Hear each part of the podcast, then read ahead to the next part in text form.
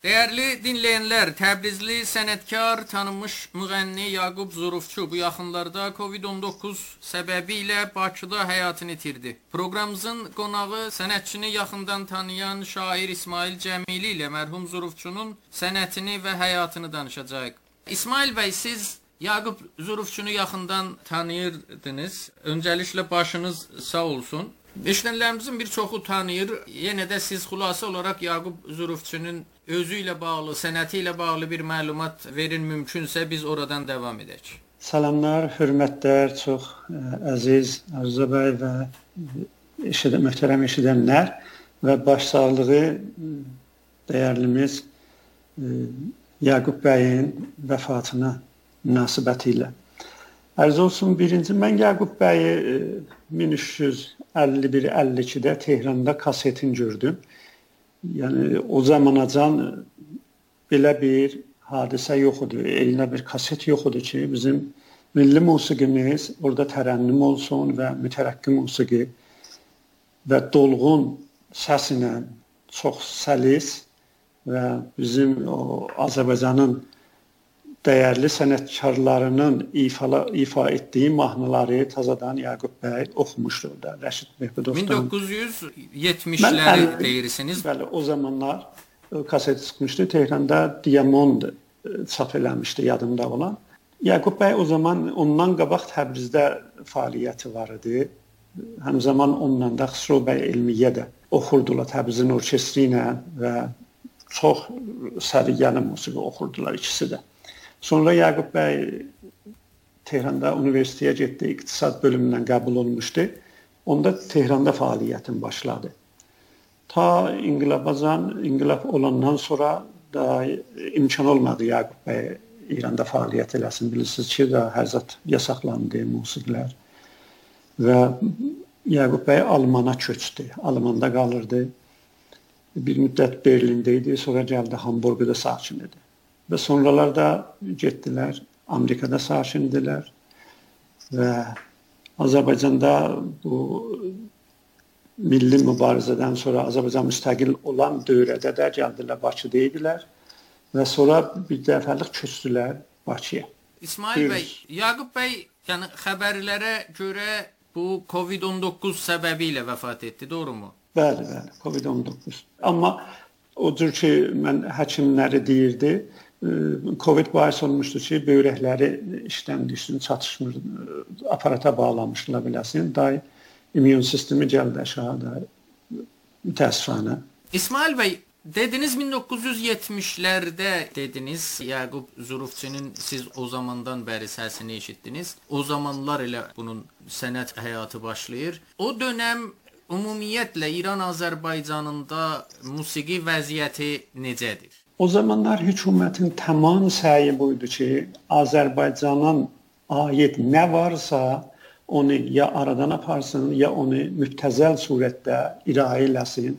Cəmaət ona rəğbət nişan verməsin. Açıq musiqisini hətta çətlərdən sonra şəhərdə ancaq iki yerdə icazə var idi ki, onlar oxusunlar. Biri Gəcildə qəhvəxana var idi, içəridə, bazar içərisində bir ora idi. Bir də Gülüstan bağının rubərusunda Sentirədə zadında birinin qəhvəxanası var idi, orada oxuyardı. Ki oralar e, Təbrizdə o zaman e, gənc nəsl üçün, danışıqçılar üçün, ondan sonra tələbələr üçün o qədər gedən yerlər dəyirdi.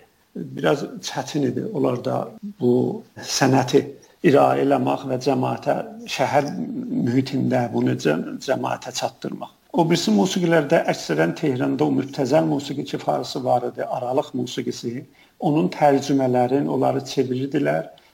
Çox yüngül sözlərlə onu təzədən təkrarə salırdılar. Çox pis durum vəziyyətdə və durumda idi. Bu ortamın arasında Yaqub bəyin və başqalarının ki var idi, Əvazər Rufani Tehranda var idi ya Xüsusi elmiyə Təbrizdə bunların fəaliyyəti əslən qabil qiyas deyildi. Milli musiqimizin nümunələrini bunlar oxurdular. Yaqub bəyin o zamanki kasetindəki oxuma e, görürsüz hansı parçalar oxunubdu. Hamısı çox yüksək səviyyədə folklor nümunələridir və yeni əsərlərdə o məbnadadır. E, oradan çıxmayıb. Yəni ibtizal adında bir zət yoxdur bu musiqidə. Və ona görə çox önəmli idi Yaqub bəy və onun dostlarının və ona tay bizim sənət adamlarımızın çalışmaları. Bir də Yaqub Zülfçinin bir xüsusilə bir kaseti var. Orada məşhur şairlər Kərim Məşrutəçi ilə Əli Rza Nabdelin şeirlərini səsləndirib, bəzilərini də musiqisini özü yazıb. Yaqub Zülfçi kimi Yəni o şəkildə anlamlı, mesajı olan şeirləri səsləndirən musiqiçilərimiz, bizim müğənnilərimiz bizim o zamanlarda var idimi? Yox idi, yox. Mən tan mən tanımıram olsaydı da, ancaq Yaqub bəy bu işi gördü. Yəni siyasi anlamda çox önəmli idi ki, Əliza Nabidin şeirini ya Kərimə Məşrutəsinin şeirini Sönməzin və ona tay e, musiqiləri, o məfhumda olan musiqiləri, e, şeirləri musiqidə iraə eləsin. Mən yadımda deyil mənim. Olsa da mən bilmirəm. İsmail bəy, yəni Yaqub Zurufçu əslində sizin də anlattığınız kimi e, yaradıcılığının zirvəsində əslində ölkəni tərk edir. Doğrumu? Doğru. Bu şərait üzündən. Sadəcə o deyil. Yəni bizim bir çox istər ədəbiyyat sahəsində, istər sənət sahəsində bir çox alimlər, sənətçilər, ədəbiyyatçılar, şairlər bəlkə elə o yaradıcılıqlarının zirvəsində ölkəni tərk etməyə məcbur oldular. Nə deyirsiniz? Siz bunların əslində bir çoxunu da elə ölkə xaricində bunların bir çoxunu da tanıyıbsınız. Bu bu necə təsir elədi həm Yaqub Zurufçi misalında, həm də elə digərlərinin yaradıcılığına? O inqilabın olması və taza bir sistemin gəlməsi və onun baxışı musiqiyə, ədəbiyyata, hünərə inanılmaz zərbə vurdu bu məsələyə. Yəni o adamlar ki, eləyə bilərdilər öz vətənlərində, yurdularında sindilərinin bir zamanı idi ki, yaradıcılıq dövrü devrələrinin bir zamanı idi ki, eləyə bilsinlər. Çox yaxşı əsərlər yazsınlar, oxusunlar, sənət nümunələri irayə versinlər. Onlar eləyə bilmədilər qalsınlar. Məcbur oldular ki, köçsünlər. Qalanları da ya problem tapdılar, məsələ tapdılar, ruhən xəstələndilər. Mən şahid idim orada. Bir dostumuz var idi. E, nəqqaş idi. Əslində bu da işdən əlin çəkdi, işdən, yazın çəkməkdən, hünərindən. Ya mən onda hətta fars şairlərində də vardı. Məsələn, Hüseyn Müncəvi ilə mən tanış idim. O da çox ağır durumda qalmışdı. Yəni özü Aysəlimi Təbrizdə orkestr tətillərlə gəlmişdi. 3-4 ay Tehranda bərabər idi. Orada çox ağır durumda idilər. Məsələn, sistem vurmuşdu hər şeyi bir-birinə. Yaqub bəyin getməsi, sonra xaricdə olanları Ay Fərzanə, Məmməd Əli Fərzanə gəldi, Sovetdə qaldı. Dötür heyət gəlmişdi, Bakıda qalırdı. Məsələn, Cavid Təbrizi getdi, Türkiyədə qaldı. Rəhman bəy Sədullahi əvvəl Almanda, sonra gəldi. Yəni bu mühacirət bir illətin səbəbi idi, yoxsa nəinki özlərinin istəyi idi, getsinlər xaricdə yaşasınlar. Orda imkan yox idi. Heç heç bir şeyə imkan qoymurdular qalsınlar. Biraz da bunların mühacirətə məcbur etməkdən hədəf elə bu deyilmi? Bəli, ondan ötürüdür ki, orada bunlar təsir qoymasınlar o millətin üstündə. Bunlar hamısı e, o adamlardır ki, öndə gedənlərdirlər. O hünərdə, o yazıda, sənətdə Bunların əlindən bir iş gəlirdi ki, yeni nəslə öyrətsinlər. Sözləri var idi deməyə. Yeni hökumət özün ayağını bərkitmək üçün bunların hamısını xüsusən o Zəngildəki oldu da səhərdən axşamacan hər yan əzadarlıq idi.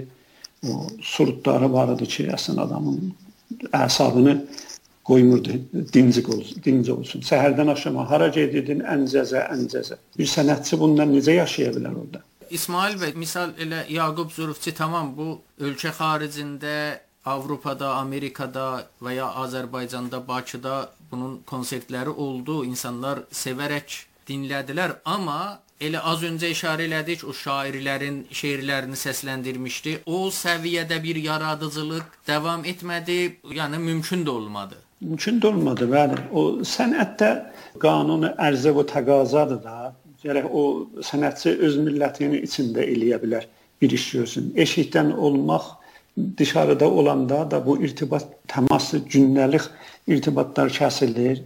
Məcbur olur öz zehnində yaratsın bir zətləri. vaqiətdən biraz uzaqda qalır. Yaqub bəy eşikdə yox, o, o dövrəsində yəni Bançı çox sənətdə irəliyə getmişdi, texnikdə, səsdə, amma millətdən biraz uzaq qalmaq, orada günlük hadisələrdən uzaq qalmaq imkan vermirdi ki, bu öz oracan ki eləyə bilər iş görsün. İndiki şəraitdə İsmail bəy necə görürsünüz? İndi İranda vəziyyəti bu baxımdan sənətin orada yaşaya bilməsi, xüsusilə də İran Azərbaycanında.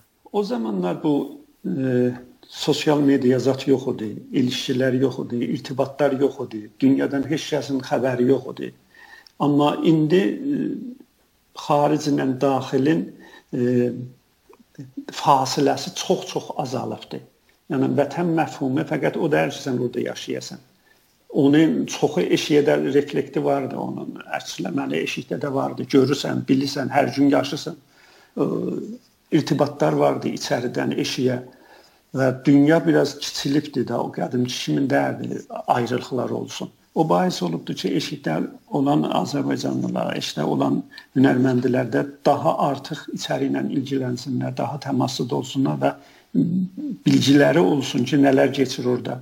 Günlük məsailə irtibatları vardı. Məncə sanki məsələn adam e, şəhərin dəyişibdi ölkəsini dəyişməyibdi. Sağ olun. Son olaraq yenə də mərhum Zurufçu haqqında əgər demək istədiyiniz varsa, yenə də eşidərik sizdən. Vallah birinci çox böyük zayə idi bizim hünəri cəmiyyəmizə, Azərbaycan milli musiqisinə.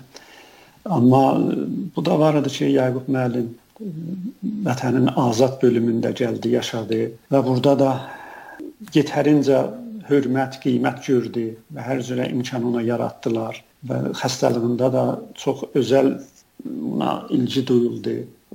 Türkiyədən bir tim gəldi ki, həkimlər ki, bundan ilgilənsinlər və çox yaxşı, amma nə yazıq ki, əldən verdik Yaqub müəllimi və bir problem də oldu. O da nədənsə bilmirəm.